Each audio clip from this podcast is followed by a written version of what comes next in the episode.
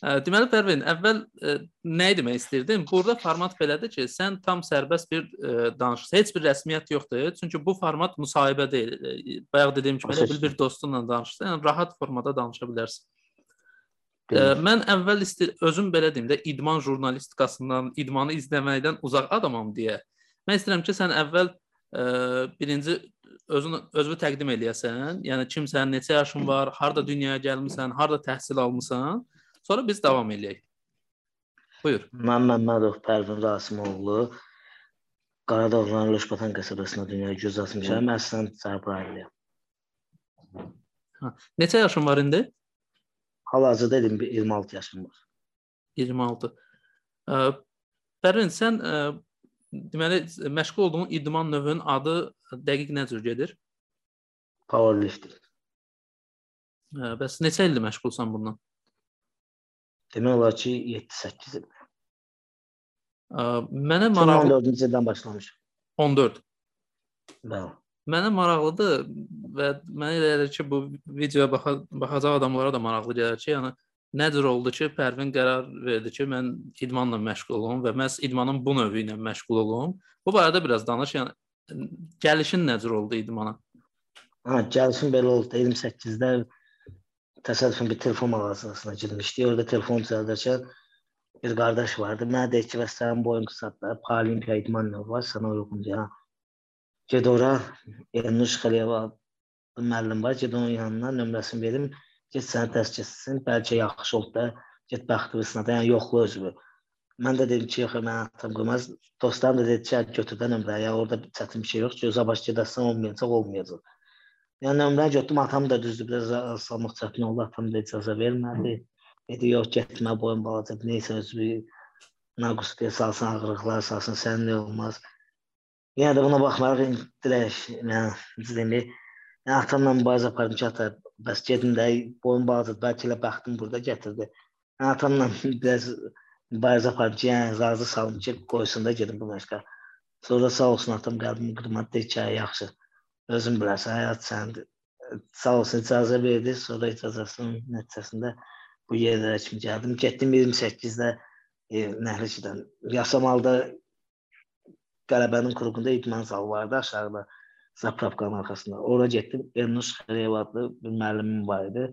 Keçmiş müəllimim daha doğrusu. Yəni, o mənə dərs keçdi. İlk qaldırdığım çəki 40 kiloqram olmuşdu. Yəni mən onunla məşq edirdim, ilk qaldırdım. Sonra qarşıma hədəf qoydum ki, hər qırağa qırmızı daşlar. Qırmızı daşlar 25 kilodur, o 70 kilo idi. Yəni sərgəl göstərsəyə qabağıma məqsəd qoymuş ki, bu nə edəcəm. Yəni şükür olsun Allah, onu elədim. Hal-hazırda indi onun 4 dənəsini qoyuram qıraqlarda. Yəni, yəni hədəfim o idi. Şükürlər olsun, onu etdim. Fail oldu. Yəni sevinirdim o vaxtlar. Yəni belə-belə əziyyət çəkə-çəkə ilk yarış məqsud olmuşdu, ikinci yer tutmuşdum. Yəni ilk Pərvin, gəl hissə-hissə bunları ə, belə deyək, bunların üzərindən keçək ki, həm bu videoya baxanlar ə, belə dəqiq onların beynində təs təsəvvür yaransın necə olub. Həm mənim özüm üçün də maraqlıdır da bu proses necə gedib. Deməli sən ə, 28 mayda işləyirdin. Sənə bir nəfər təklif elədi ki, bəs belə. Yox, Onu... işləmirdim. Yox, xeyr. 28 hə. mayda Səməd Vurğun parkının böyründə telefon mağazaları vardı. Ora girmişdik. Təsadüfi olan bir şeydi ya. Hə, sadəcə telefon, telefon mağazasına girmişdin. Hə, orada bir qardaş vardı, o sağ olsun. Dedi ki, belə-belə tövsiyə gördü. Hə, o cür sən ə, getdin, başladın məşq eləməyə. Hə, o cür yəni yönləndim o məşq idman növünə. Yəni belə ha, özüm üçün məşq edirdim, amma yəni sırf həvəskar deyildim, professional da deyildim. İlk dəfə hər hansı bir yarışa ə, çıxmazdan öncə neçə müddət məşq elədin? Nə qədər vaxt tapardın? Rahat bir 2 ilim getdi. Sırf Deməli, professional yarışa çıxmaq üçün 2-3 ilim getdi rahat. 2014-də sən məşqə başladın, 2016-da ilk professional yarışa çıxdın. Yəni dəqiq vaxtı deyəməm, amma yəni ki, təxmini. Yəni ilk xarici ölkə, hə, təxmini deyirəm. 3-4 ilimi apardı. Yəni təxmin deyirəm, dəqiq demir. Bəs ilk yarışın hansı oldu, nə vaxt oldu? İlk yarışım Macaristan Ege şəhərində keçirilmişdi. Orada hətta Danqrat ləqəbi də vermişdilər. Birdən-birə 15 kilo artım eləmişdim. Rəqibimi üstələmişdim və birinci medala layiq görmüşdüm. Şükürlər olsun Allaha, həmin birinci medal olimpiyadada qazandım. Yəni bu bir təsadüfdür. İlk yarışında birinci medal qazanasan və olimpiyadada ilk çıxışın orada da gəlib birinci medal qazanasan. Əlvin, ə, bax sən getdin məşq eləməyə başladığında idmanla bağlı belə bir şey var. Hı. Mənə elə gəlir, əksər adamlar bunu yaşayıb. İdmana gedirsən, birinci həvəsli olursan. Bir müddət məşq eləyəndən sonra ə, insan adətən tələsir, nəticəni tez görmək istəyir deyə ə, çalışır ki, nəsə nəticə olsun. İdmanda nəticə tez olmur, gərək səbirli olasan. Yəni ən azından mənim gördüyüm qədərilə. Səndə nə cür oldu ki, yəni ə, həvəsdən düşmədin və davamlı məşğul oldun? Xeyr, həvəsdən düşdüyüm vaxtlarda olub, yalanını nə deyim ki, yəni elə bir şey olub. Yəni çox olub. Çünki biraz idman səbr tələb edir. Yəni biraz səbirsiz olanda adam biraz çətin, çətin daha doğrusu çətinliklər çox olanda biraz adam yəni istəyirsən ki, hamı kimi qabağa gedəsən. Yəni o da birdən-birə alınmaz şeydir. Heç kim birdən-birə qabağa gedə bilməz. Yəni əziyyət, vaxt, bunların hamısı tələb olunur. Yəni şükürlər olsun əziyyətin, vaxtın əvəzinin yəni yerdə qalmadı. Bu qədər əziyyət çəkdim. O qədər vaxtı yəni şükürlər olsun yaxşı oldu. Çətin oldu, düzdür. Biraz çətinliklərim də oldu. Yəni səbrim çatmırdı. Deyirdim, gedim qabağa, medallarımı sayarsın. Bu yarış idman bilirsiniz necədir? Məsələn, biri pul qazandıqsa istəyir ağırdı gəlsin. Deyirsən, ha, çox alsın, pul çox olsun, hər bir şey. Və medal da elə bir şeydir. Medal gəldikcə adam istəyir ki, daha tez qabağa gedib, daha çox medal ola, daha çox titula sahib ola. Yəni bu pulu nətər qazanmaq istəyən adam var deyə göz doymur. Və idman həyatı da elədir. Yəni gözün doymur ki, istəyirsən ki, medalın ardı gəlsin, titulun gəlsin, həm bayrağımızı yüksəldirsən. Yəni bu sənin üçün böyük fəxrdir də. Yəni onu kim istəməz ki? Yəni hamı istəyir. Düzdür. Düzdür, razıyam. Yəni buna görə səbirsizlənirdim ki, tez qabağa gedim. Elə vaxt orada səbirləşirdim ki, dedim ayda bu nədir? Belə olmur, sıxılırdım. Dedim bu nədir? Qabağa getmək olmur. Olur da idmançılar pik nöqtə olur, dayanırsan orada. Amma oradan sonra açılır yolun, təzədən birə getsən. Yəni məşqdə belə bir şey var. Bir nöqtəyə gəldikcə orada dayanırsan. İnkişaf zəif olur. Getmir, artım olmur qaldırdığın çəkilər. Ondan sonra açılır bir müddət vaxtdan sonra kimi açılır. Yəni məndə də bu oldu. Yəni sonra o müddətdə biraz sıxıcı oldu. Sonra o, o pik nöqtəni keçəndən sonra qabağa getmək asanlaşır. Yəni. Bax, ə, həvəsdən düşməklə bağlı dedin, bayaq danış danışdın onunla bağlı. O həvəsdən düşən vaxtda yəni kim və yaxud da nə sənə maksimum motivasiya olurdu, ya sənə yenidən ə, ürəkləndirirdi ki, yəni davam elə, olur belə şeylər. Hə, o Redgrave Redgrave da həvəsdən düşmən nədir? Yəni ola bilər qıraqdan biri müdaxilə edirdi. Deyə daha getmə, nəyə getsən bəs. Əziyyət çəksən o qədər. Yəni həm boyvaca deyil, sən eləyə bilməzsən. Yəni bunun hər bir qabağa gedən yəni yəni hər bir belə çıxması mərd nəzər olur da. Yəni qabağa gedən çəkirlər arxaya. Yəni deyirdilər ki, getmə məşqə, belədir, elədir, yəni ki Yəni dostlardan olurdu, ailədən kimsə deyirdi, yoxsa məşq e, zalında olurdu? Yox, ətrafında, ətrafında. Yəni olurdu ki, yəni sən olub zalda da olub, az olub, amma ətrafda belə şeylər vardı, o ki, getmə, nəysən bu qədər getsən, özünü öldürsən. Yəni biraz orada ruh düşkünlüyü olurdu, biraz. O da sonra üzü nəticələrim artdıqca, qabağa getdikcə, ölkələri fəth edə-edə mən o söz deyən insanlara da üzü mən o söz deməməyə başladı. Yəni, bunun sayəsində üzü mən yavaş-yavaş o çətinlikləri keçə-keçə bu səviyyəyə gəlmişəm. Mənə maraqlıdır, getmə deyənlər sənə onun əvəzində nə təklif edirlər? Yəni idmana getmə nə ilə məşğul? Nəsə təklif edirlər əvəzində? Nəsə məşğul olmağıma tövsiyə görmürlər. Xeyr, heç nə. Harasa gedirlər kafeyə, ya belə qisməsi. Kafeyə da ya dəmməyə, yəni başqa bir şey. Yəni, yəni get vaxtını is israf elə də, nə tər ki, çoxlu insan edir. Yəni deyirlər ki, nəyə getsən? Yəni özünü niyə getmirsən? Boyun da balacadır. yəni getmə, niyə özünü ağırlığa verə vəziyyət versən? Yəni gedək gəzəyə orada burada. Yəni belə bir şeylər o da təbii ki o həvəsdən biraz salar, amma sonradan sonraya ki, yəni onlara fikir vermədim o sözlə. Pərvin, ə, bizdə uzun müddət, 1 ildən uzun müddət ə, qapanma oldu da bu koronaya görə. Sən o vaxtı nə ilə, yəni evdə məşq edirdin, yoxsa nəzər edirdin ki, özünü formada saxlayasan? O vaxt vallahi məşq edirdim mümkün bari. Yəni məşq eləmirdim desəm yalan. Yəni məşq edirdim, evdə də edirdim. Sağ olsun dövlətimiz şərait də yaradırdı. Azdan çox da məşq edirdi. İdmançılara görə sağ olsun. Dövlət başçımız qayğı göstərdi, şərait yaradırdı, yəni idmandan dala qalmayaq deyə. Bunun sayəsində və biz bu yerə gəlmişik. Yəni, qayğı göstərilirdi. Başa düşdüm. Pərvin, mənə bir də çox maraqlı məsələlərdən biri nədir? Bizdə ə, ümumiyyətlə belə bir problem var. Əgər bir insanın fiziki məhdudiyyəti varsa, ona ya, kimsə görəndə ya baxır ə, nə tər deyim, bir mənalı belə deyirlər də, onu deyirlər ki, bir mənalı baxmırlar da. Yəni kimsə baxır deyir ki, ə, elə bil ki, Marsdan gəlmiş insan görür. Və yaxud da qeyri-adi belə baxışlar məsələsi olur da. Belə hallarla nə cür olur? Ümumiyyətlə sən ilk dəfə bundan ə, həyatın boyunda harda qarşılaşmısan, nə cür bunun öhdəsindən çalışmısan, gələsən? Çünki məncə bu ə, ən çətin məsələlərdən biridir də, yaşadığın ə, icmada, cəmiyyətdə bunun öhdəsindən gələ biləsən. Bəli, olub belə şey. Yəni tək mən ol, mən olmasam da başqaları da olsa, yəni bu şey olur. Yəni biraz qəribə baxış açısı var. Yəni biraz əlillərə. Yəni belə şeylər olub. O da problem olub balaca vaxtı. Məşqə vaxtı hə, balaca boy deyiblər, balaca uşaqlara gülüblər. Yəni olub o.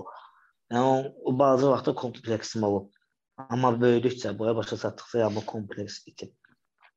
Belə, yəni, bir, belə bir şey problem deyil məktəb e, ümumiyyətlə e, orada o ayrı bir mövzudur, amma adətən deyirlər ki, ə, e, uşaqlar biraz qəddar olur bu bu baxımdan da. Yəni əgər bir insanın fiziki məhdudiyyəti varsa və yaxud da nəsə nəsə bir problemi olursa, uşaqlarda ə, o da yəni yeniyetmələrdə uşaqlarda hələ dünya görüş tam formalaşmayıb deyə bullying deyirlər də buna ə, nəsə hə balaca azyaşlı uşaqlar həm az yaşlı uşaqlarda olur, həm də məktəbdə də yeniyetmələrdə də olur. Məktəbdə ümumiyyətlə bu tip şeylər ə, e, çox olur.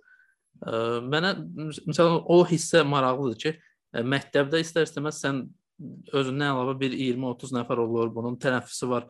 Orda necə edir? Yəni ola bilər ki, bəzi insanlar bundan ağır travmalar və həyatı ondan sonra Başa uçuruma işləyim. doğru gedər də. Sən nə cür edirdin? Yəni nə cür çalışırdın bunun öhdəsindən gələsən məktəb vaxtı? Xeyr, məndə elə bir şey olmur. Yəni ona baxım ya, özümü pis eləyim ya, özümü qapalayım içəri. Xeyr, elə bir şey əsl olmayıb. Yəni ola da bilməz. Yəni həyatdır da, uşaqlardır, bu ağlı kəsmir. Yəni onu qınamaq da belə baxanda düz deyil. Ümumiyyətlə sən yəni, kəsən... qapalı adamsan yoxsa nətər belə qaynayıb qarışan adam olmusan məktəb vaxtında? Xeyr, balaca vaxtda qapalı olmuşam özümə. Qapalı satacağında qaçıb keçsən. elə olub balaca vaxtda olub. O da boyuma görə yox, lap şey elə olmuşam balaca vaxtda. Boy söhbətinə görə yox. Ümumiyyətlə qapalı olmuşam. Yəni çölə çıxıb gəzəndən sonra, məktəbə gedəndən sonra biraz sonra atılmışam. Yəni qapalı şey, yəni qapalı insan olmamışam. Bəs məktəb vaxtı ümumiyyətlə ə, dərslərlə aran necə idi? Yəni sevdiyin fənlər vardı, bəlkə fikirləşirdin. Mən məktəb vaxtı xeyr. Yox. Hər hansı xüsusi xüsusi sevdiyin bir fən yox idi. Yəni sevdiyim fənlər deyəndə ki, yəni məktəbi yəni oxuyan olmamışam, yalan deməyim. Aha, başa düşdüm. Yaxşı oxumamışam. E, evdə oxumayıb gedib məktəbdə danışan uşaqlarla əzbərləyib dərsimdə şey danışmışam bir iki dəfə. Yəni o qeyri-adi məktəbdə istedadım olub, bir də ki rəssamlığım olub. Ən çox rəsm dərsində yaxşı qiymət almışam. Bəs ə, e, məktəbdə nə fikirləşirdin? Gələcəkdə nə işlə məşğul olacaqsan? Onunla bağlı nəsə bir planın, istəyin var idi məktəb? Bilirəm. Mən həmişə mən həmişə atam anam dedi ki, yəni oxu da, sənin boyun balacadır, yəni sən nə görə bilərsən. Yəni mən də həmişə bu sözün qarşısında dedim ki, yəni həyatdır, bilmə olmaz. Kim nə bilir mən böyüyəndə də olacağam. Yəni bu bilinən bir şey deyil. Onu hal-hazırda sözünü dedim. Yəni bilmək olmaz mən bundan sonra nə ola bilərəm. Yəni həyatdır, bilmək olmur. Dedim nə bilirsiniz mən böyüyəndə nə olacam? Bəlkə elə bir şey olacaq mənim imkanlı olacam, nə bilmək olar. Yəni bu söz imkanlı nə? Yəni dedim ki, nə olsun ki mən oxumayam da, yəni işləyirəm. Bəlkə Allah elə bir qapı aça bilər, bəlkə mən hər bir şeyim ola bilər. Oxumadan imkanım da ola bilər, özümü də saxlaya bilərəm. Boyum balacadır, yəni gördüyü kimi. Yəni, mən gedib ya fəhlə işləyə bilmərəm. Ya başqa iş görə bilmərəm, çətindir. Buna görə deyirlər oxu da, savadın olsun. Heç olmasa hardasa gedib işləyə bilərsən. Yəni mən də bunun qarşılığında dedim ki, həyatda bilmək olmaz mən nə olacam. Bəlkə elə bir adam olacam. Yəni yaxşı həyat. Bəlkə olacaq. elə bir adam olacam ki, bütün Azərbaycan hamı mənə əhsən deyəcək. Ola bilər. Ağlıma gəlir ümumiyyətlə belə bir şey nə vaxtsa. Yəni sən olimpiyadaya çıxarsan. Xeyr, ömür boyu. Yəni elə bir şey ki, bu bilirsiz necədir? Elə bir şey sən fikirləşsən ki, birdən-birə bütün güc sənin əlində, dünyanı sənə ələyirsən. O mümkün deyil onu fikirləşmək. Məsələn, bu bu bu dəqiqə onu fikirləşsən, yəni ömür boyu deyə bilərsən ki, elə bir şey olası bir şey deyil. Ha bu da o dərəcədə böyük bir fərq var. Yəni o onunla bir yerdə. Ümumiyyətlə olimpiyadada ə, mənə də maraqlıdır. Mənim yadımdadır ki, mən hələ məktəbdə oxuyanda o vaxtı ə, mənim fikrimcə belədir ki, o vaxtı sanki bizdə ə, idman daha çox ə, trenddə idi indi də trenddədir. Sadəcə indi başqa trendlər də var deyə idman elə bil ki, o qədər gözə görünmür, amma o vaxt mənim yadımdadır ki, e, idmanda e, nəyinsə olması, nə bil daha çox insanların ə, fikri ora gedirdi. Xüsusilə o vaxt ki, ə, olimpiyadalara biz baxırdıq hamımız. İnternet yox idi, bəlkə ona görə belə idi, bilmirəm. Ola bilər bəlkə. Baxmayaraq ki, indi idman üçün olimpiya zallarının sayı daha çoxdur da, nəinki onda. Mənə də maraqlıdır. Sən o o ki çıxırsan ə, olimpiyadada medal qazanırsan və ə, sən görsən ki, orada 3 bayraq 3 4 bayraq deyəsən qalxır da 2 nəfər 3-cü yer yoxsa necə olur bu? Xeyr, 3 bayraqdır. 3 bayraq olur. Hə, 3-cü yerə kimdir? Amma bəzi idman növündə 4 dənə. Ha, o idman növünə görə onda dəyişir. Bəli. Aha. O da o ki sən belə deyək də, olimpiya bütün dünya baxır da bu paralimpiya, olimpiya oyunlarına. Orda ə, sənin ölkənin bayrağı da sənin əməyin nəticəsində o qalxır zirvə. O nə cür bir hissdir? Ümumiyyətlə nə hiss yaşayır insan həmin vaxtda? Onu, onu istərdim ki, bölüşəsən. Valla o hiss çox böyük hissdir, yəni, necə demək. Onu yaşamayana, yəni yaşatdıra bilməzsən də deməklə. Yəni bu dərəcədə böyük bir hissdir. Yəni orada biz siz bir anlıq gözü qabağından keçir. Yəni valideynin çəkdiyi əziyyət, müəllimin çəkdiyi əziyyət, bu, bu yola kimi gəldiyin yollar gözünün qabağına gəlirkən, bura kimi gəldiyin əziyyətlər medalı sənin boynuna asanda fikirləşsən ki, bu həqiqətən bu mənəmmi?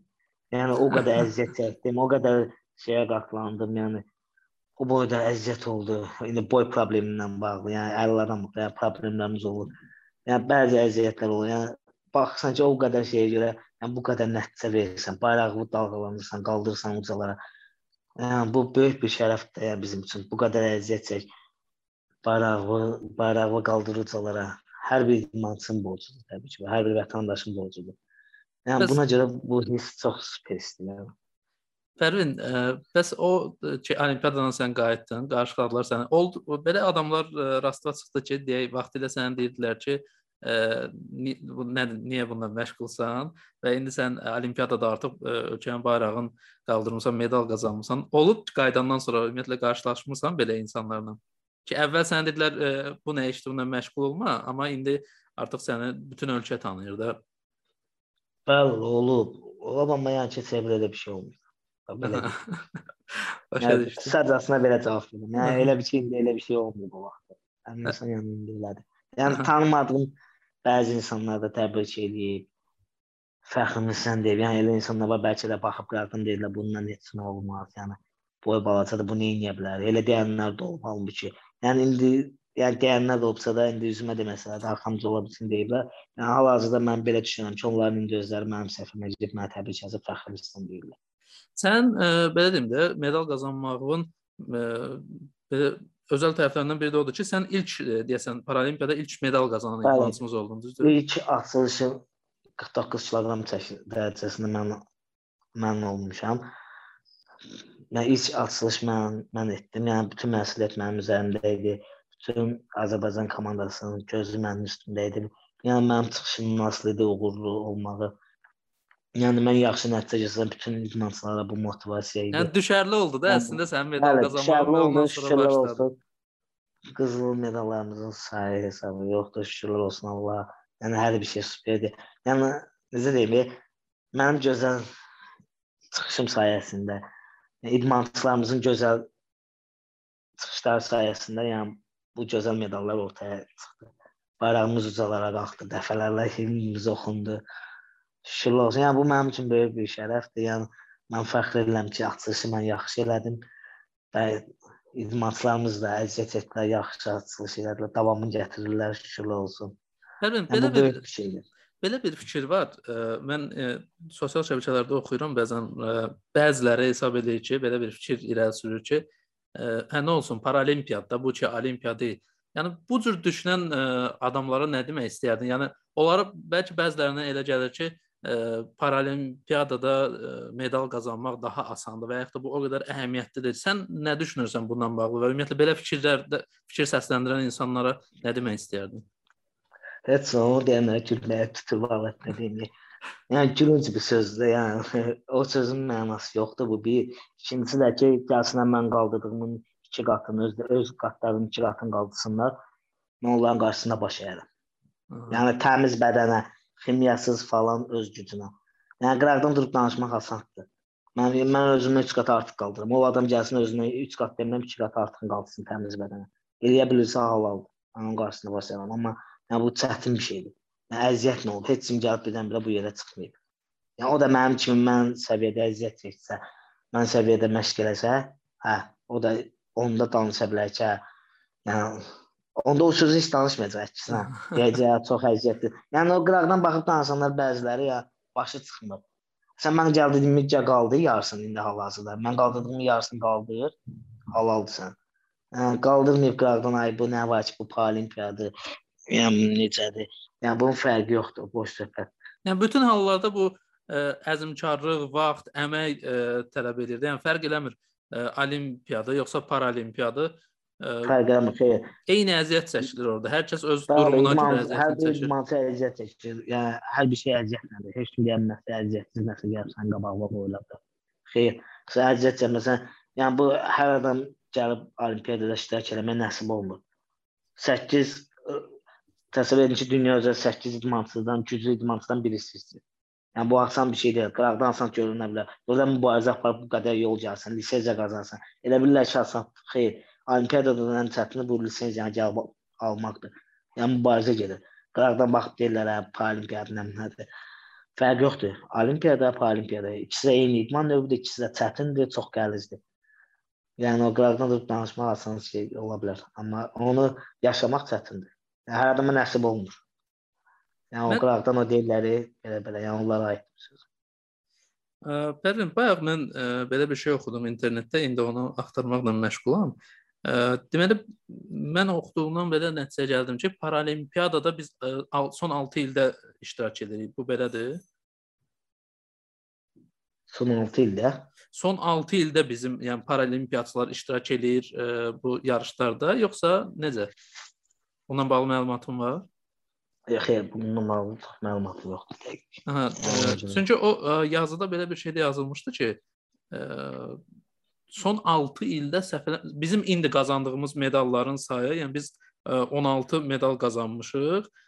E, son 6 indi qazandığımız medalların sayı son 6 ildə qazanılan medallardan daha çoxdur. Ha, ha elə hə, elə məlumatım var, hə. Hə, son 6 ilə qazandığımız medallardan indiki daha üstündür. Hə, hə say baxımından daha hə, çox medal qazanmışıq. Hə. O düzdür, düzdür, düzdür. Düzdür. Yəni sözü belə desək, hə. Yox, mən mən əslində həm məsələnin o biri tərəfini də bilmək istirdim. Çünki bilmirəm, paralimpiyadada biz az ölkə olaraq neçə il iştirak edirik. Hə, nəticəyə görə deyirlər. Bəli. Hə, onu deyirsə, hə, o düzdür. O düzdür. Son 6 ilə baxanda bu böyük nəticədir. Və sən necə fikirləşirsən? Belə deyək, indi e, belə deyək, paralimpiyaçılar e, ölkənin adını e, daha təkrar-təkrar demək olar ki, biz ə, e, hər hansısa bir gün səhər açılanda artıq xəbər eşitməyəndə ki, hansısa bir medal ə, e, qazanmışıq, adama qəribə gəlir. Nətər ki, 44 günlük müharibə vaxtında ə, e, belə bir şey var idi. Ə, o qədər ə, bizim ordumuz kəndləri alırdı bir-bir. Biz artıq yeni gündə nəsə e, o barədə xəbər eşitməyəndə hətta insana qəribə gəlirdi ki, nəcəb görəsən bu gün hər hansı işğaldan azad elədilər yox. Bu olimpiyad e, paralimpiyadada da e, hazırda belə bir şey baş verir. Mənə maraqlıdır ki, sən necə düşünürsən?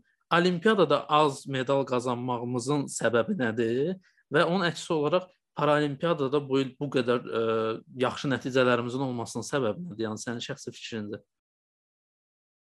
Polun şəxsi, şəxsi fikrimdir ki, bizə göstərilən qayğı, həm çəkdiyimiz əziyyət, yəni bunun nəticəsində biz bu yerə gəldik. Yəni mənim fikrimcə budur. Yəni ən əsasda göstərilən qayğı. Yəni, Yaxşı, onda be... göstərməsən heç kim qabağa gedə bilməz. Onda be sualı belə verim. Onda belə e, belə deyə bilərikmi ki, olimpiyadada bizi təmsil edən idmançılar az qayğı görüblər, ona görə nəticələr zəifdir. Paralimpiyaçılar daha çox qayğı görüblər, yoxsa necə? Yox, yox, hamıya eyni qayğı göstərir. Heç bir idmançımız ayrılmayıb bir-birindən. Hamı da eyni əziyyət çəkir, ya heç kim kim əziyyət çəkmir. Prosta qismətdir, necə deyim. Bunu düzdür, yozurlar ki, bu onda belə çıxıb olimpiya əziyyət çox olub, olimpiya əziyyət olmayıb. Xeyr, hamıya eyni əziyyət çəkilib, hamıya eyni qayğı göstərilib dövlət tərəfindən prosta qismətdir. Yəni o demək deyil ki, mən də udmaya bilərdim. Hı. Bu medalı mən də qazanmaya bilərdim. O səbəb bizdən də yəni qazanmayan oldu. Yəni bu dövmə demək deyil ki, yəni onlara qayğı göstərməyib. Görürsünüzmü? Yəni bizdən də qazanmayan oldu da. Yəni o demək deyil ki, ona qayğı göstərdi, mənə məsəl üçün ona göstərmədi, mənə göstərdi. Halbuki eyni idman növü. Yəni bu belə şey xeyr. Yəni ki, yəni nə demək istəyirəm? Yəni hamıya qayğı göstərilib. Yoxsa qismət söhbəti var. Yəni onun qismətinə vardı, ola bilərdi. Qismətinə yoxdur, amma məsəl üçün olmadı. Yəni bu böyük şiddətli bir şeydir. Yəni idmançı udar da, udsar da. Yəni heç bir idmançı bir-birindən aşağı deyil. Bizim idmançılar həmişə güclü olub, güclü də olacaq. Bəli, belə bir ə, e, şey var. E, ümumiyyətlə bununla bağlı verilişlərdə də mən görmüşəm. Ə, İctimai TV-də avtostop verilişi var. DJ Tural orada tez-tez bunu ə, göstərir. O göstərir ki, bizdə şəhərdə ə, tutaq ki, həllə arabasında kimsə hərəkət eləyirsə, səkilər və yaxud da yollar ümumiyyətlə ə, fiziki məhdudiyyəti olan insanlar üçün kifayət qədər ə, yararlı deyil də. Yəni o baxmışam verilişə. Hə, o internetdə də yayımlanmışdı.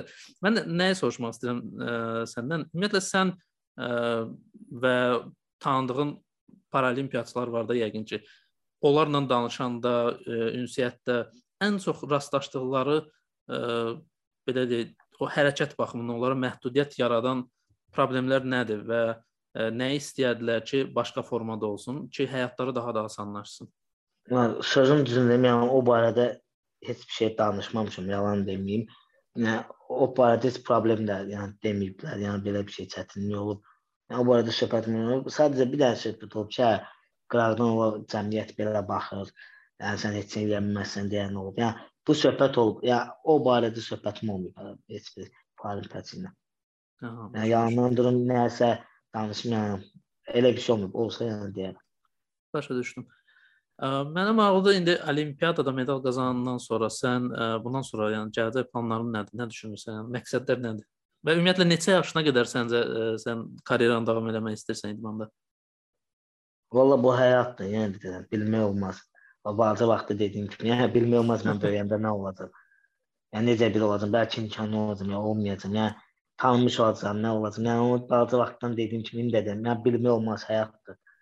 Yəni, yəni artıq sən tanınmışsan. Tanınmış olma məsələsi artıq həll olunub. Məncə həm dünya, həm Azərbaycan səviyyəsində sən kifayət qədər adamlar tanıyır səni. Bəli, şükür olsun Allaha. Yəni bunlar o, yəni bundan qabaq, bundan sonrakı həyatımda yəni çalışıram daha çox əziyyət çəkərək, necə ki indi əziyyət çəkdiyim kimi əziyyət çəkərək medalımızı daha da bir səviyyəsini artıraq, birinci yerə layiq görülək, qızıl medalla ölkəmizə qayıdaq. Ümumiyyətlə, yəni irəlidə olan illərdə hansı yarışlar var? Yəni ki, sən fikirləşirsən ki, indi ora hazırlaşmalısan, orada yaxşı nəticə göstərməlisən. Hələ ki olimpiyadan sonra biraz istirahət lazımdır. Təbii ki, idmançı kimi istirahət edirik. Yəni yarış vaxtı gəldikdə həminki kimi əziyyət çəkəcəyik, çalışacağıq layiqincə ölkəmizi təmsil edək, bayrağımızı ucalarda tutaq və bu olimpiyadada qazandığımız medalın daha da üstün səviyyəsini qazanmaq üçün əziyyət çəkəcəyik sözsüz. Yəni hara kimi gedə bilirik, gedəcəyik. Çalışacağıq amma yüksəkdə gedək. Aşağı ilə getməyək. Yəni bəs idmandan başqa nə ilə məşğul olsan? Yəni boş belə deyək, hobbilərin nəsə var, ə, nəyə vaxtını sərf edirsən? Hobbim hobbim gəndə ən çox əvvəl mən rəssam olmuşam. Yəni indi hal-hazırda o hobbi kimi qalıb qıraqda. Yəni hobbi sayılır ki, mənim üçün. Yəni bir kənara qalıb da rəssam olum. Əvvəl rəssam olmuşdum 9 il. Mən rəssam kimi tanıyırlar yaşadığım Nuruşbatan qəsəbəsində. Hal-hazırda olimpiya çempionu kimi, yəni idmançısı kimi tanıyırlar. Bəs ə, mənə maraqlı gəldi. Ümumiyyətlə idman ə, və idman və rəsm məsələsi onların ə, ə, belə deyim belə bir şey ola bilərmi ki, tutaq ki, sən müəyyən bir vaxtda idman karyeranı bitirəndən sonra sırf rəsmlə davam eləmək istəyəsən? Xeyr. O o çətin olar. Yəni ki, yaxşı öz sözünü deyir, vaxt gedir. Yəni Onu təzədən bir də başlamaq vaxt istəyir, vaxt tələb edir. Yəni az öncə dediyim kimi, yəni birdən-birə bu yerə gəlib çıxmamışıq. Yəni birdən-birə o səviyyəni təzədən çıxmaq üçün vaxt tələb edir. Yəni bu da yaş söhbətinə görə yəni alınmaz. Ola bilər, hə, öz həvəsim olsun, zakazlar gələr, nəsə çəkərəm. Yəni o hə, istəyir mənim milyardım da olsun. Yəni mən zakaz çəkil gələr ki, bunu çək, pul verir, yəni mən çəkəcəm. Çünki mən bunun həvəskarıyam. Yəni bu mənim ürəyimdə bir yerdədir. Yəni rəssamlığı mən heç də təmiz buraxmamışam. Yəni mən şəkil çəkməkdən həzz alıram. Siz necə? Yəni həyatımın bir parçasıdır da rəssamlıq. Yəni pulsuz da olsa çəkəcəm, pulla da olsa çəkəcəm bu şəkildə. Yəni istəyir mənim imkanım super olsun, istəyir az olsun, yəni fərq eləmir. Mənə zakaz da gəlsə çəkəcəm, gəlməsə də özüm üçün çəkəcəm. Yəni bu mənim ayrılmaz bir hissəmdir rəssamlıq. Yəni ilk işim bu olub mənim. Bəs xüsusi belə deyək, çəkməyə xoşladığın şeylər var, deyək ki, mənzərə ya ə, insan portretləri, ha, portret ya var. Bəli, ağ-qara portret ən çox xoşuma gələn. Ağ-qara portret işləyirəm. Heydər Əliyevimizin Ulu Öndər Heydər Əliyevin şəklini çəkmişdim. Portretin ilk ramkada hələ də evdədir. Sonra dünya şöhrətli Michael Jackson var, onun şəklini çəkmişdim. Şəkilləri bəs ə, e, satışa çıxarırsan, yoxsa elə özün üçün çəkirsən? Valla sat, satdığım şəkillərim də olub. Yəni idmana cəmiyyətinə var, sıfır rəssamlıqla məşğul idim deyə. Yəni şəkil çəkib istəyən olsa çəkirdim, yəni satdıra buraxırdım. Yəni hal-hazırda çox çəkmirəm deyə, idmanla məşğulam deyə, yəni hal-hazırda yox. Bəs ə, e, ümumiyyətlə rəssamlıq qabiliyyəti harda təkmilləşdirmisən? Elə məktəbdə öyrəndiyindəndir, yoxsa sonra da məşğul olmusan? Yox, balaca vaxtı bir dəfə kitabda şəkil vardı. Onu çəkmişdim. Onda atam baxmış ki, əl işim yaxşıdır. Həvəsim də vardı. Ondan sonra mənə aparıb rəssamlığa qoydular. Yəni oradan ortaya çıxdı mənim həvəsim olduğundan. Yəni çəkdiyimdən, bacarığımdan, məktəbdə dedilər ki, qəşəng çəkir, bacarığı yaxşıdır, aparın qoyun rəssamlığa. Yəni ondan sonra üzə çıxdı mənim rəssamlıq. Neçə il sən məşğul oldun? O rəssamlıq 9 il. 9 il məşğul olmusan. Əvvəlli başda onda məncə bazarın Başda bir dənə rəssamlığı yarımçıq buraxmağımın səbəbi nə idi? Bəlkə də ola bilərdi orada yarımçıq qalmasaydı, mən də rəssam kimi tanınacaqdım, heç idmançı kimi tanınmayacaqdım. O da ola bilərdi. Rəssam kimi necə? Yəni imtahan verməyə getmişdim Əzim Əzimzadəyə. Yəni əl qabiliyyətindən keçmişdim. Həm rəngləmək, həm çizmək, həm çertözün vermək, yəni o hər şeyi birdən etmişdim. Yəni bəziləri belə pısmasın ağlaya-ağlaya çıxdı oradan. Yəni çəkənmədilər, tam çatdıranmədilər vaxt söhbətindən. Tam çəkənmədilər. Yaxşı olmadı, düz eləmədilər. Yəni kəsildilər də elədi ki, imtahandan. Şükürlər olsun, gülə-gülə uzaq çıxdım oradan. Və ən əsası gəldi nəysə test imtahanına. Və burada buradan da zəif çıxış edərək Hə, yəni, yəni test imtahanında bal az yığdın. Bəli. Çünki məktəbin həm yaxşı oxumamışdım, həm biliyim az idi bəzi şeylərdə. Ona görə yaxşı nəticə verə bilmədim. Yəni o imtahanda nə cürdür? Orda minimum nə qədər bal yığmalıydın ki, keçəsən? Çünki belə başa düşürəm, qabiliyyət imtahanını vermisən, uğurla keçmisən, testdə balın e, az olur. Minimum bal dəqiq yadımdan deyil, neçə il bundan qabaq olub yalan deyərəm. Amma onu bilirəm ki, çox bal deyildi. Hə, başa düşdüm. Yəni dəqiq yadımda özü neçə ildir rəssamlığı buraxmışam. Hə, başa düşdüm.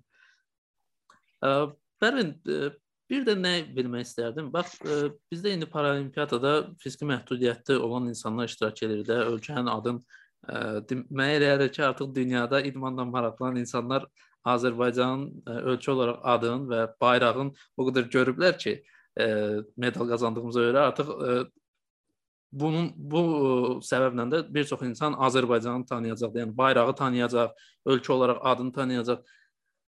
Və e, bunu fiziki məhdudiyyəti olan e, insanlar eləyir də. Amma bizdə kifayət qədər də o qədər mən əminəm ki, ailələr var, yəni həm Bakıda, həm regionlarda, kəndlərdə ki, e, fiziki məhdudiyyəti bir belə deyim də ümumiyyətlə həyat həyatı üçün məhdudiyyət olaraq görürlər. Və ə, yəqin ki, belə insanların arasında belə insanlardan kimsə də bu videonu görəcək, ya onların tanışları, qohumları görəcək.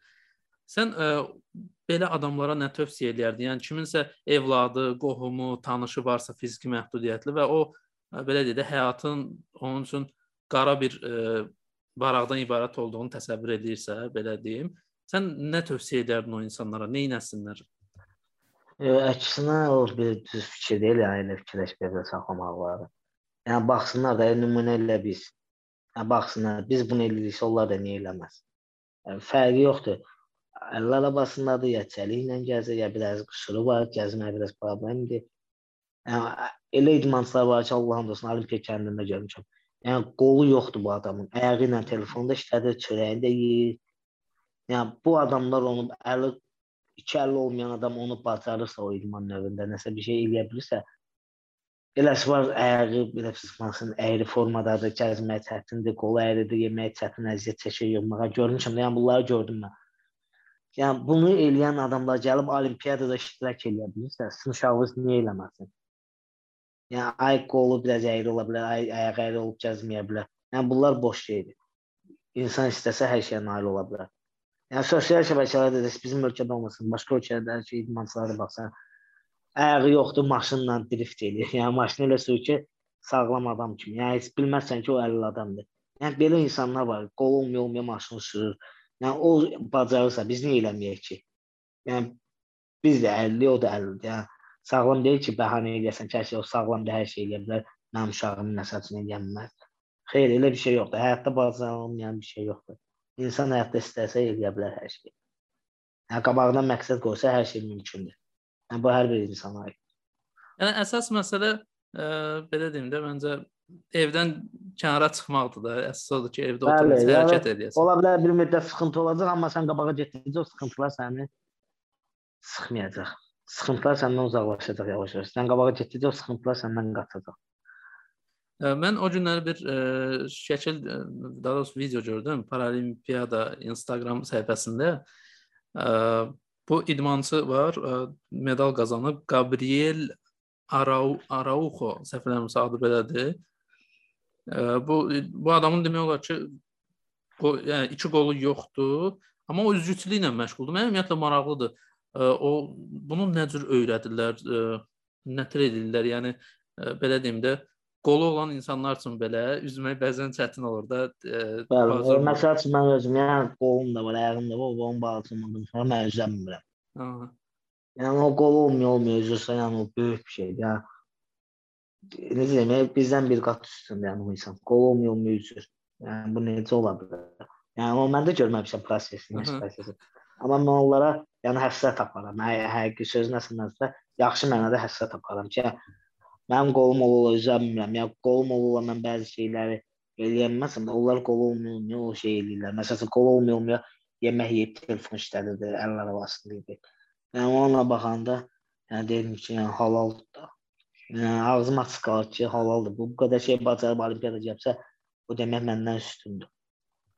Ərin, e, bir də istərdim biraz e, belə deyim də incəsənət e, tərəfdən biraz fikirlərimi alım. Ə, filmlərlə bağlı mən özüm filmlərlə çox maraqlanıram deyə həmişə insanlardan soruşuram. Ə, sevdiyin filmlər hansıdır? Tutaq ki, belə bir filmlər varmı ki, sonra təkrar-təkrar baxırsan, bəyənirsən? Dünya ə, filmlərindən ola bilər, bizim filmlərdən ola bilər, fərqlənir. Türk, filmlərindən Kəmal Sunalın filmi, yəni Şaban. Yəni ən çox xoşladığım aktyor, yəni o da Allah rəhmət etsin ölüb. Yəni ən çox baxdığım filmlərdən dəfələrcə olub. Yəni baxsam da yenə də bezməmişəm. Yəni eyni ab-havanı yaşayırlar. Yəni indi də baxsam 1 saat sonra da baxsam, yəni eyni ab-havanı yaşayırlar, eyni təəssüratlarda yaşayan yəni. Bəs yəni, yəni bu tür filmlərindən. Bəs evet. belə deyək, Hollywood filmlərindən ya Avropa istehsal olan filmlərdən var belə bir filmlər ki, sən baxmısan, sən Hollywood filmlərindən var. Məsəl üçün Farsaj, tanınmış filmdir. Yəni ona da baxanda yəni xoşum gəlir. Yəni belə ona da baxmışam. Bəs yerli filmlərdən hansı filmlər bəyənirsən və yaxud da ən son baxdığın yerli filmlərdən valla hmm, o köhnə filmlərimizdən Qaçaq Nəbi, sonra Qobustan qayaları, yəni belə-belə bəyin oğurlanması. Yəni bu filmlər də yəni, o təsirətlər verir. Yəni o öz o filmlərdə Kamal Sunalın filmini az öncə dediyim kimi baxdıqca yəni bezmir. Yəni bizim o köhnə filmlərdə baxdıqca bezmir. Bəs yəni, o da eyni belə deyək, son illərdə çəkilən filmlər ki var. Bizdə ə, karantindən qabaq kinoteatra da çıxırdı. Ümumiyyətlə kinoteatra gedənsən, kinoteatr, teatr bunlarla Xeyr. gedən deyilsən. Bəs belə deyək, ə, yerli çəkilən filmlərdən o filmlər ki, YouTube-a və yaxud da TV-yə buraxıblar o filmləri. Onlardan belə baxıb təsirləndiyin ki, bu maraqlı filmdir. Necə bizdə belə film çəkirlər, xəbərim yoxdur. Belə beləsi olub. Valla elə film olub bir dəfə. O prosta o filmin adı yadımda deyil. Aha, nə haqqında? Film hal-hazırda süjeti yadındadır o filmin nə baş verirdi orada? bizim Şaban var idi. Aha. O çəkilmişdi o filmdə Azərbaycan filmi. Aha, görmüşdüm nəsə belə bir şey. YouTube-da deyəsən Mafya o film var kimi. idi. Bəli, Serial idi o, yoxsa film idi? Yox, serial idi etmirəmsə. Serial idi. Yəni bir dəfə bir sujetinə baxmışam. Yəni onda görmüşdüm ki, yəni biraz maraqlıdır. Yəni belə çox kinoya baxan deyiləm. Aha, başa düşdüm. Bəs ə, belə deyim, boş vaxtını rəssamlıqdan savayı nəyə sərf edirsən? İndi istirahət vaxtları da idman və rəssamlıqdan savayı olur. Dostlarımı, ailəmə. Yəni belə. Aha. Başa düşdüm. Ə, Pərvin, mən şad oldum səndən danışmağa. Doğrudan şad oldum və ə, mənim yadımdadır ki, sən Azərbaycana qayıdanda hətta sənin şəkillərini, ə, aeroportdan şəkillərinizi paylaşmışdılar. Ə, müxtəlif səhifələr və hamı fəxr edirdi səndən. Tək səndən, Çox yox, bütün paralimpiyaçılarla. Çünki bu il bizə ən çox sevinc yaşadan şəxslərdən biri də paralimpiyaçılar oldu. E, mən Yəni bu Hə, buyurun, buyurun. buyur, buyur, ya danış. Buyur. Əsas qonaq sənsən. mən ə, mən əslində ə, istərdim ki, sən bir insanlara nəsə tövsiyən varsa, ə, onlar onlarla bölüşəsən, bir də gələcək planlarından danışasan. Bu qədər. Tövsiyəm odur ki, yəni yəni boş-boş yerlər çalışın və çox vaxt itirməyin. Yəni ailəvizə çox dəyər verin. Əsas budur. Yəni ətrafsız seçəndə yaxşı seçin ki, uçuruma aparmasınlar. Yəni bir də ki, işlərinizi məsuliyyətli olun. Yəni məsuliyyətli olunsa hər bir şey olacaq. Məsuliyyətsiz olsan heç bir şey qabağa gedə bilməzsən. Yəni mən məsuliyyətli oldum deyə bura gəlmişdim. Yəni məsuliyyətsiz olsa indi Allah bilir mən harda idim. Mən heç bu qədər də siz də mənimlə oturub burada söhbət eləməzdiniz. Yəni məsuliyyətli oldum işimdə, yəni olsun əziyyətim oldu, düzə həvəsim də ölmüşdü vaxtlarda. Adam həvəsi olmurdu qıraqdan bəzi sözlərə görə adam həvəsi də ölürdü. Amma buna baxmayaraq mübarizə apardım və bu yerə gəldim. Yəni ki, mübarizə aparmaq lazımdır həyatda. Yəni boy balacadır, ay boy heç yənməz, elə bir şey boş şeydir. Az öncə bir söz də dedim ki, yəni gəlib bir iki mənim iki o bəzilər qardan dedi onu qaldırmağa nə var məsəl üçün. Mən də görmüşəm bəzi yorumlarda. Yəni mən dediyim, mən dedim yəni onu gəlib iki qatın qarşısına qabağında baş edirəm. Yəni mənim çəkidə qaldıran olsa iki qatın, üç qatın. Mən o adam qabağında baş edirəm, amma dərmansız, Hı. iynəsiz, test şey dopingsiz, yəni qaldıran olsa mənim çəkimdə. Mən o adamın qabağında baş edirəm. İki qatı özündən artıq qaldırsın. Yəni mən o adamın qabağında baş edirəm nəyə görə? Çünki asan deyil, mən bunu bilirəm. Yəni ola bilər şey, iynə vura bilər, gəlib qaldırar. Onu mən də eləyərəm. Onu mən vursam 200 də kimi qaldıraram, 300 də kimi də qaldıraram. Yəni iynəsiz təbii sırf öz bədəninə yəni məşq eləyib gəlib mənim, mənim çəkimdə iki qatın qaldıran olsun. Yəni o insan qabağında baş edirəm ki, yəni sən bunu bacarmısan. Yəni qıraqdan durub ondan söz danışmasınlar. Bunlar paralimpiyadır, olimpiya növü. Fərqi yoxdur. İdmançı idmançıdır. Hər bir idmançıya da hörmət eləmək lazımdır. İstəyir Azərbaycan çempion olsun, istəyir xarici ölkədə Azərbaycan bayrağını alsın. Yəni o sənin idmançıdır, sənin ölkən fəxridir. Yəni yəni sən idmançıları bir-birinə ayırmaq olmaz. Yəni hörmətlə yanaşmaq lazımdır. İnsanların Bəli, əməyinə hər dəyər idmançı lazımdır. idmançıdır, hər bir idmançı hörmət etmək lazımdır. Yəni o demək deyil ki, o idmançı mənim tituluma yaxındır. Mən onu və yaxud takip eləməyim, məsəl üçün Instagram sosial şəbəkəsində ya takip eləməyim, ona deyim ki, bu nə idmançıdır, bu dünən gəlib budur, ya heç mənim tituluma yaxınlığı yoxdur. Yəni belə şeylər boş şeydir. Mən əksinə idmançıdır, mən ona da hörmət edirəm. Yəni ki, o məndən nə olsun ki, ola bilər mənim titulumda olmasın ondan, amma o da idmançıdsa, yəni ona podyeşka vermək lazımdır. Yəni kömək, dəstək olmaq lazımdır. Yəni o demək deyil ki, o sənin səviyyəyə gəlib bilmir. Xeyr, vaxt gələ bilər, o da sənin səviyyəndə ola bilər. Niyə də olmasın? Biz Azərbaycanlıyıq. Yəni biz həmişə yüksəklərdik, həmişə də yüksəklərdə olacağıq inşallah. Pərvin, mən istərdim ki, sən yekunda ə, medalı da göstərəsən bizə, insanlar bizim videoda da görsün onu. Hamısı əziyyətimizin bəhrəsi budur. Hə, onun arxa tərəfinə də çevirərdim. Mənim maraqlı da arxa tərəfi necə görünür. Ha, eyni formada yoxsa ayrı? Hə, ayrı ayrı. Yox, naxışları yoxdur prosta, sadədir. Başa düşdüm.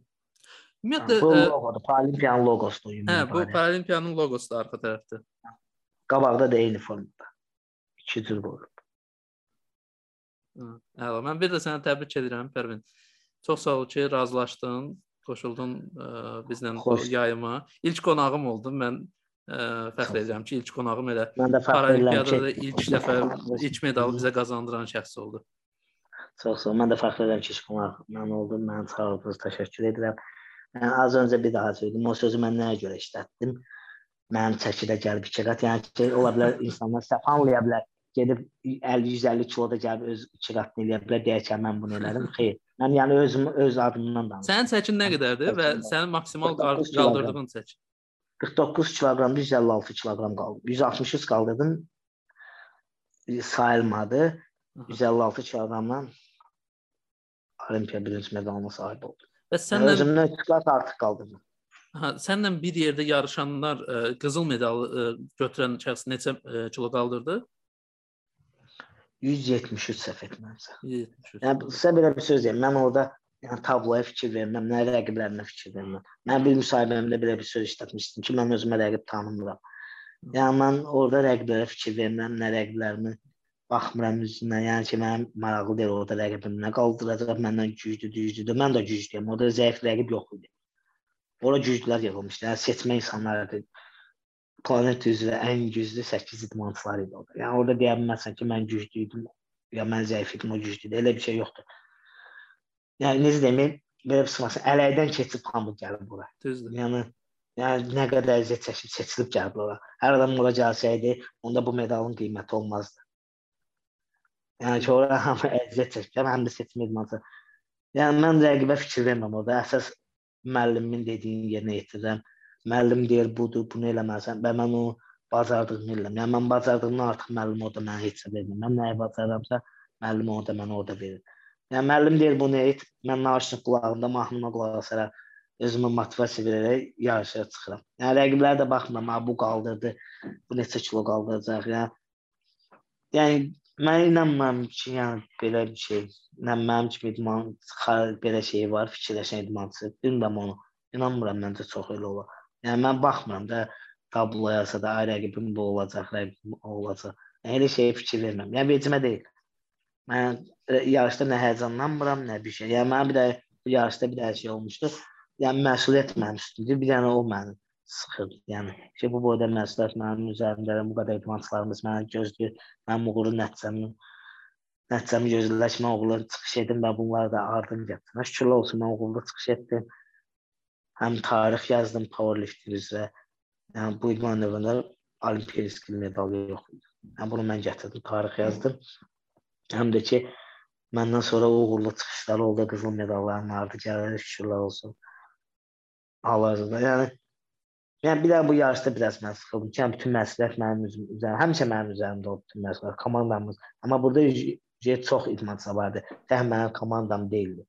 Yəni başqa cido var idi, atıcılıq vardı və ya taekwondo vardı. Yəni onlar da hamı mənə baxırdı. Məndən sonra onlar çıxış edəcəkdi. Odur yəni, ki, məncə burada məsuliyyət iki qat artırdı. Yəni bu mənə biraz çətin idi. Həm öz məsuliyyətin, həm də başlanğıcı bəli, necə olacaq o məsuliyyətdə. Şükür olsun müəllimin əziyyət çəkdi, baş məhdimiz İlqar Bişov əziyyət çəkdi.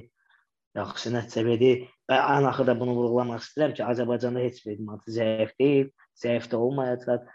Yəni onlar idmançılar da, udar da. Yəni mən də ola bilərdim, mən bunu udmaya bilərdim. Yəni orada qəbahət bir şey yoxdur. İdmançı udar da udar. Yəni əsl idmançı udmağı da bacarır, udmağı da. Elə deyil.